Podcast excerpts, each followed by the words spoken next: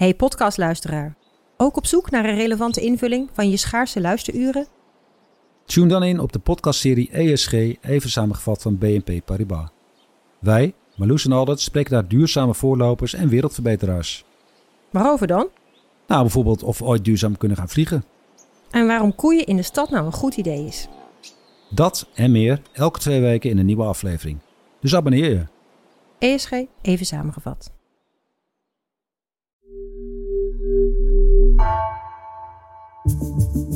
Vanaf de redactie van NRC het verhaal van vandaag. Mijn naam is Floor Boon.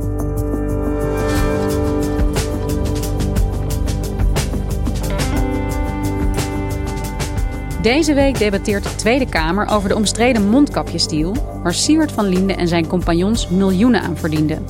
Een deal die alleen maar werd gesloten vanwege de beeldvorming, onderzocht economieredacteur Stefan Vermeulen. Het ministerie van Volksgezondheid wilde op die manier van Linde, die zich op Twitter kritisch uitliet over het inkoopbeleid, de mond snoeren. Gaat dit nog politieke gevolgen krijgen?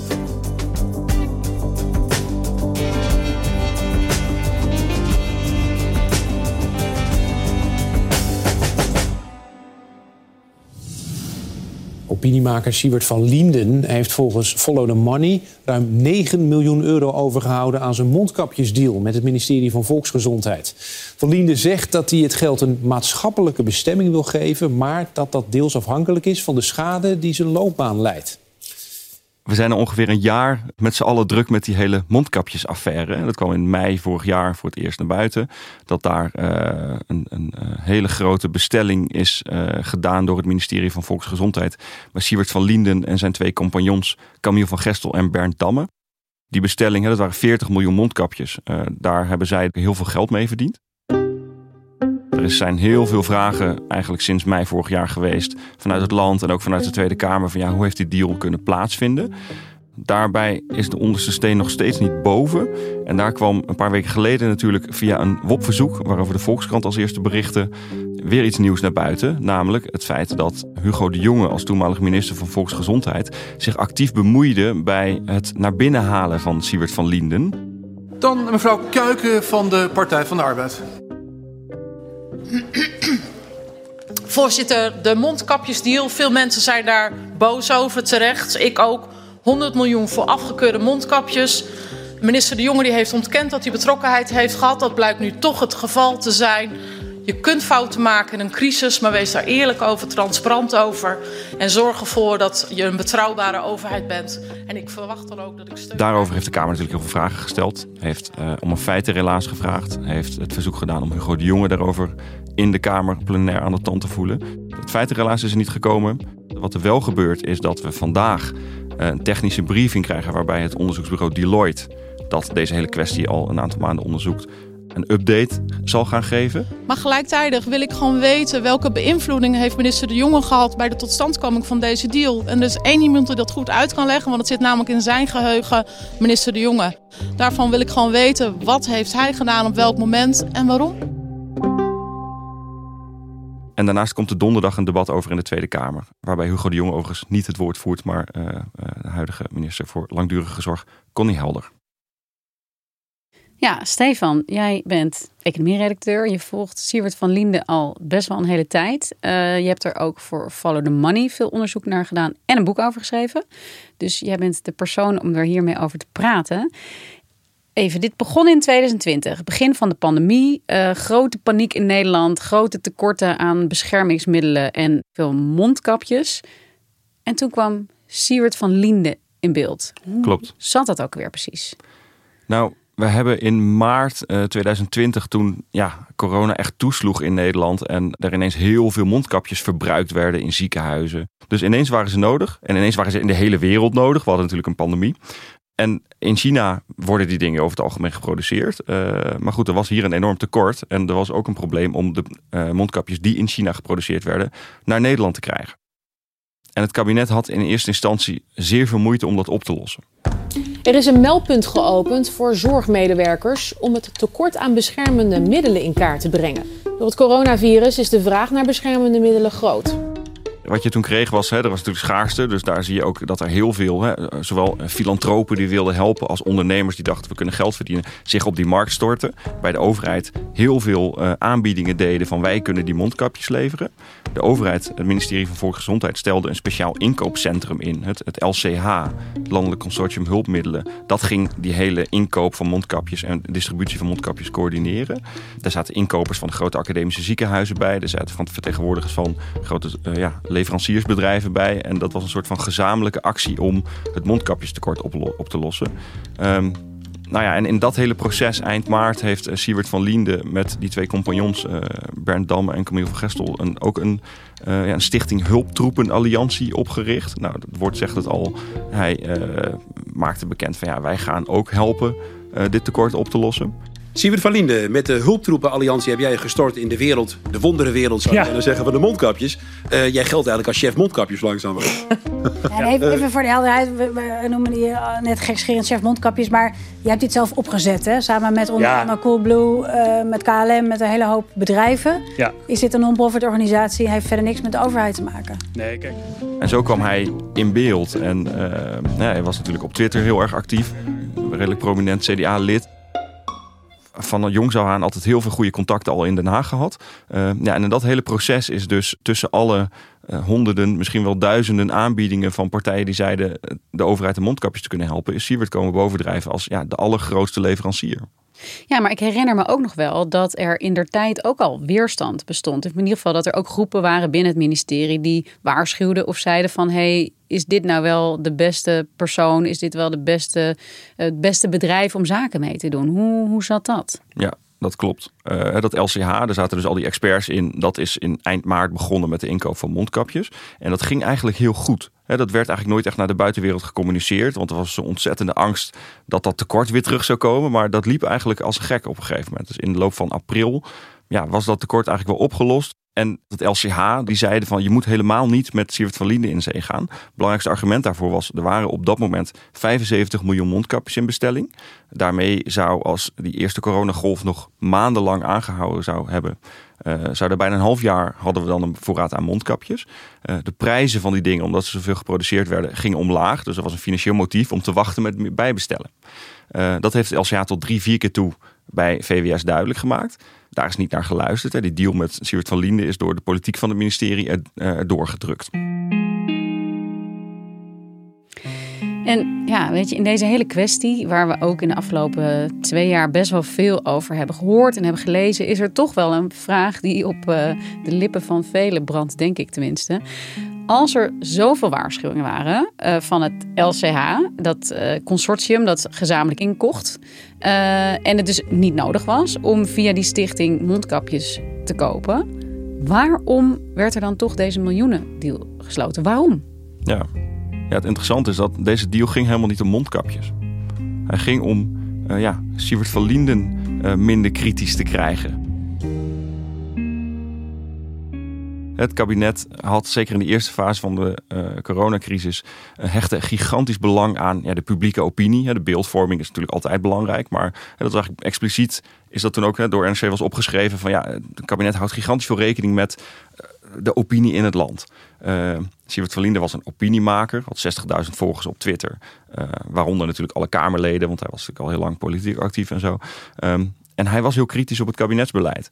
Uh, dus het motief om hem binnen te halen, dat blijkt uit de appjes van Hugo de Jonge, maar dat is eerder ook wel eens uit, aan, door topambtenaren aan ons verteld, was uh, het citaat van uh, de Amerikaanse president Lyndon Johnson werd daarbij uh, gebezigd. You better have him inside the tent pissing out than outside the tent pissing in. Dus hij was, hij stond van buiten naar binnen te pissen en toen was op een gegeven moment het idee van, nou ja, laten we maar binnenhalen, dan is hij niet meer zo kritisch.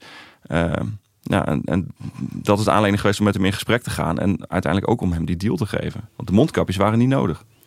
Oké, dus we hebben het hier echt over beeldvorming. De overheid die met alle kennis van dien, willens en wetens 100 miljoen euro uitgeeft aan iets dat op dat moment misschien niet eens helemaal nodig is. Alleen maar om een kritische twitteraar af te wimpelen. Ja. Hier zijn natuurlijk regels voor normaal, in normale situaties. Dat je dus niet een partijgenoot die kritisch is op deze manier ja, afkoopt. Uh, de aanbestedingswet heb je daarvoor. En we begrepen allemaal dat die ja, niet gehanteerd werd in de fase dat die mondkapjes er niet waren. Want je gaat dan niet een soort van aanbesteding, dat duurt, dat duurt dan weken. Dus voordat je dan een leverancier hebt gevonden die mondkapjes aan ziekenhuizen levert. Ja, dat kost mensenlevens. Hè? Dan moet je snel handelen. Maar ja, hier was de situatie natuurlijk dat er al heel veel mondkapjes waren. Dat de instantie die het ministerie van Volksgezondheid zelf nou ja, min of meer verantwoordelijk had gemaakt, namelijk dat LCA, die zeiden we moeten dit niet doen, we hebben er al genoeg. En toch is dat met politieke motieven er doorheen te drukken. Ja, dus dat die Tweede Kamer daar echt wel eh, stevige antwoorden eist, vind ik niet zo gek. En waarom wilde uh, die top van het ministerie juist zo graag van Linde de mond snoeren? Want er waren veel meer kritische twitteraars op dat moment. Uh, waar waren ze bang voor? Nou, hij heeft op een gegeven moment, vlak voor het paasweekend van 2020, eh, bewust een reeks hele kritische tweets geplaatst. Om, zoals hij dat dan noemde, een politiek deurtje te openen. Dus hij wist ook van, als ik op deze manier heel kritisch ben over het inkoopbeleid van mondkapjes, ja, dan kan ik misschien toch wel daar ook wel ja, een keer binnenkomen. Ja, hij was natuurlijk een, het, het verwijt van te weinig mondkapjes en eh, dat er mensen doodgaan doordat het kabinet te weinig inkoopt. Hè, dat, dat treft natuurlijk eh, bewindslieden ook in het hart. Dus dat is natuurlijk wel, eh, en dat is waar hij precies op tamboureerde. Maar heeft het eigenlijk gewerkt? Heeft Van Linde zich na die deal ook ingehouden? Nou, dat is uh, wel ja, iets om bijna wat cynisch van te worden. Want wat er gebeurd is, is dat hij toen daarna een keer een interview heeft gegeven bij Nieuwsuur. En toen was hij ineens opvallend mild over het kabinetsbeleid. Zei hij van ja, ik geef het je te doen. Het is ook hartstikke moeilijk al die mondkapjes inkopen. Hoe kan het dat het u dan wel lukt en dat de overheid er toch veel moeite mee heeft gehad? Ja, dat hoor ik vaker, maar ik geef het je te doen eerlijk gezegd. Ik heb het uh, van dichtbij gezien. En ik kan je echt zeggen, uh, de mensen die dit doen, die de afgelopen weken de zorg hebben bevoorraad, die werken keihard. Die zwemmen tussen de haaien. Het is echt een, een cowboymarkt. Ja. Maar drie weken later zat hij een keer bij Op 1. En toen was hij alweer gigantisch kritisch op het inkoopbeleid. En toen waren de kritische tweets ook weer terug.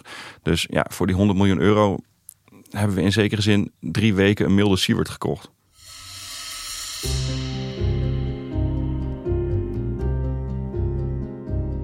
Ja, en even snelle fast forward, want de afloop is bekend. Dit is het hele verhaal van uh, van Linden met zijn twee compagnons... die uh, miljoenen hebben verdiend aan deze deal. Iets wat jij ook hebt onthuld, onder andere. Maar goed, in de tijd was dat nog niet bekend. Had het ministerie dit toen wel al kunnen weten of vermoeden? Of ja, is dit echt een hele vernuftige uh, valstrik geweest?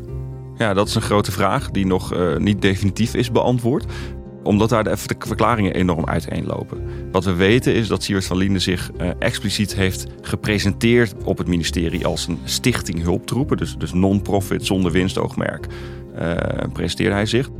En dat zijn ze gaan doen zonder winstoogmerk? Ja, absoluut. Dus ja, dat zijn bedrijven die willen niet aan de corona verdienen. Dus uh, dat gaat om niet. En iedereen doet dat tegen kostprijs. Uh, ook omdat we zien dat er enorm veel gewoekerd wordt in deze markt van mondkapjes. En dat gaat of ten koste van de prijs, een hele hoge prijs, of van de kwaliteit. Maar deze drie ondernemers hadden daarnaast dus een eigen BV, Relief Goods Alliance. Dat lijkt een soort Engelse vertaling. Uh, de logo's waren hetzelfde. Die, BV was, het bestaan van die BV was bij de meeste partijen helemaal niet bekend. Uh, ja, eigen medewerkers, bedrijven, Randstad en Coolblue, de grote bedrijven die erbij betrokken waren, hadden daar ook geen idee van, zeggen ze. De Rabobank heeft er op een gegeven moment bij gezeten, die wisten dat ook niet. Plus dat Siewert van Liende inderdaad in de media tot in april uh, vorig jaar uh, voortdurend riep van we doen het om niet. Dus ja, uh, de pretentie was zeker naar de buitenwereld. Dus als daar het ministerie al ergens kon vermoeden dat er winst werd gemaakt, dan is dat vervolgens naar de buitenwereld altijd volledig stilgebleven. En ja, wat ze gedaan hebben, op die mondkapjes verdienden ze een enorme marge. Want het ministerie betaalde de mondkapjes vooraf voor 100 procent. Uh, het ministerie financierde ook het transport en de distributie en de opslag en dergelijke. Dus ze hadden eigenlijk geen enkele kosten. Zij moesten natuurlijk een, pandje huren en ze betaalden werknemers. Dat ging allemaal vanuit die stichting. Dus die BV had uh, gewoon een gigantische marge op de mondkapjes. Het ministerie betaalde 100 miljoen. Uh, en er ging geloof ik 72 miljoen moesten zij betalen aan China. Dus er bleef 28,5 miljoen euro marge over. Dat geld hebben ze als dividend aan zichzelf als aandeelhouder uitgekeerd. Ja, en dus hadden ze voor het eind van het jaar, met een bedrijf dat ze dus in de loop van het jaar pas hadden opgericht, ja, waren ze multimiljonair geworden. En als daar geen journalisten in waren gedoken, als dat niet naar buiten was gekomen, dan hadden zij waarschijnlijk tot op de dag van vandaag volgehouden dat ze het om niet deden.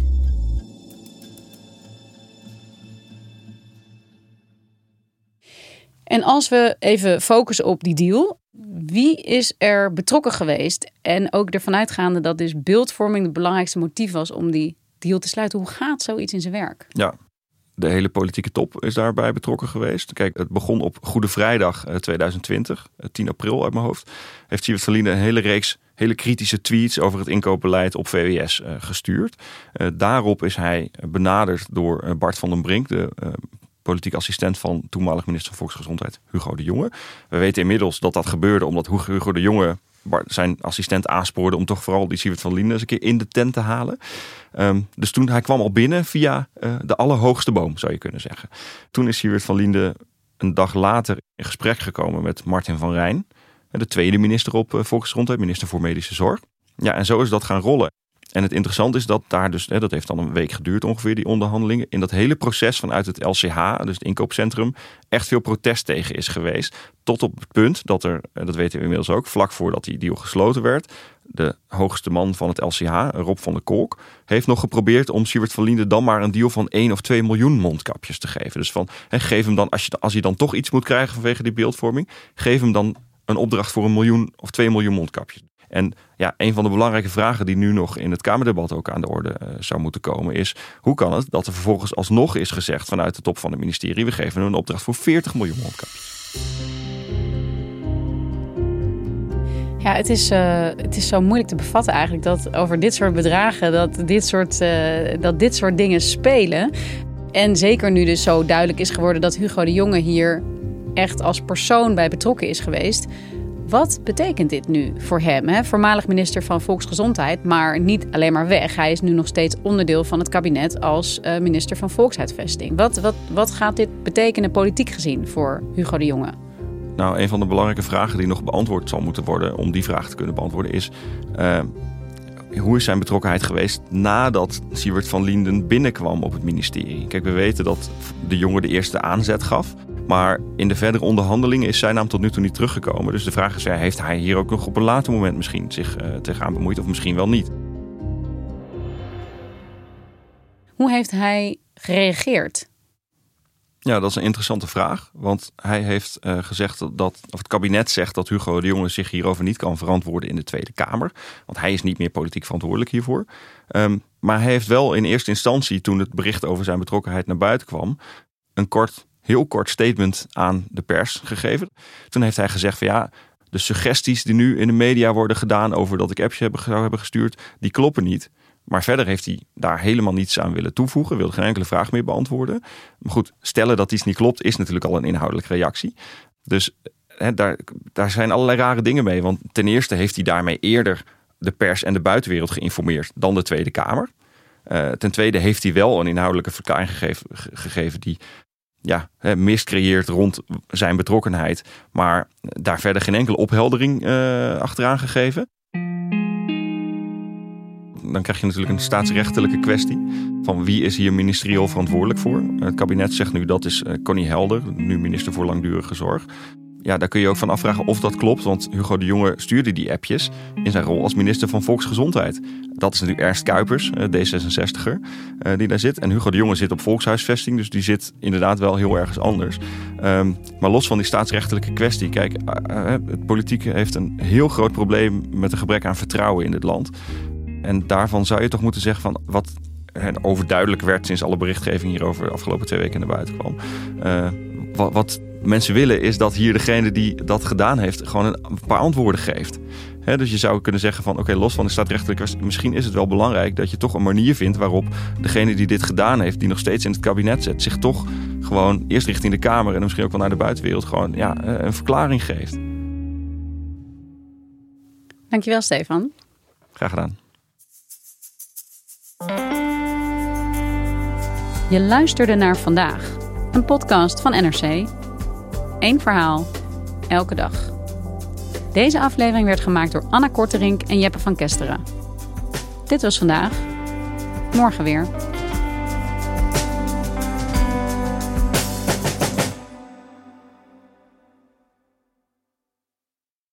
Technologie lijkt tegenwoordig het antwoord op iedere uitdaging.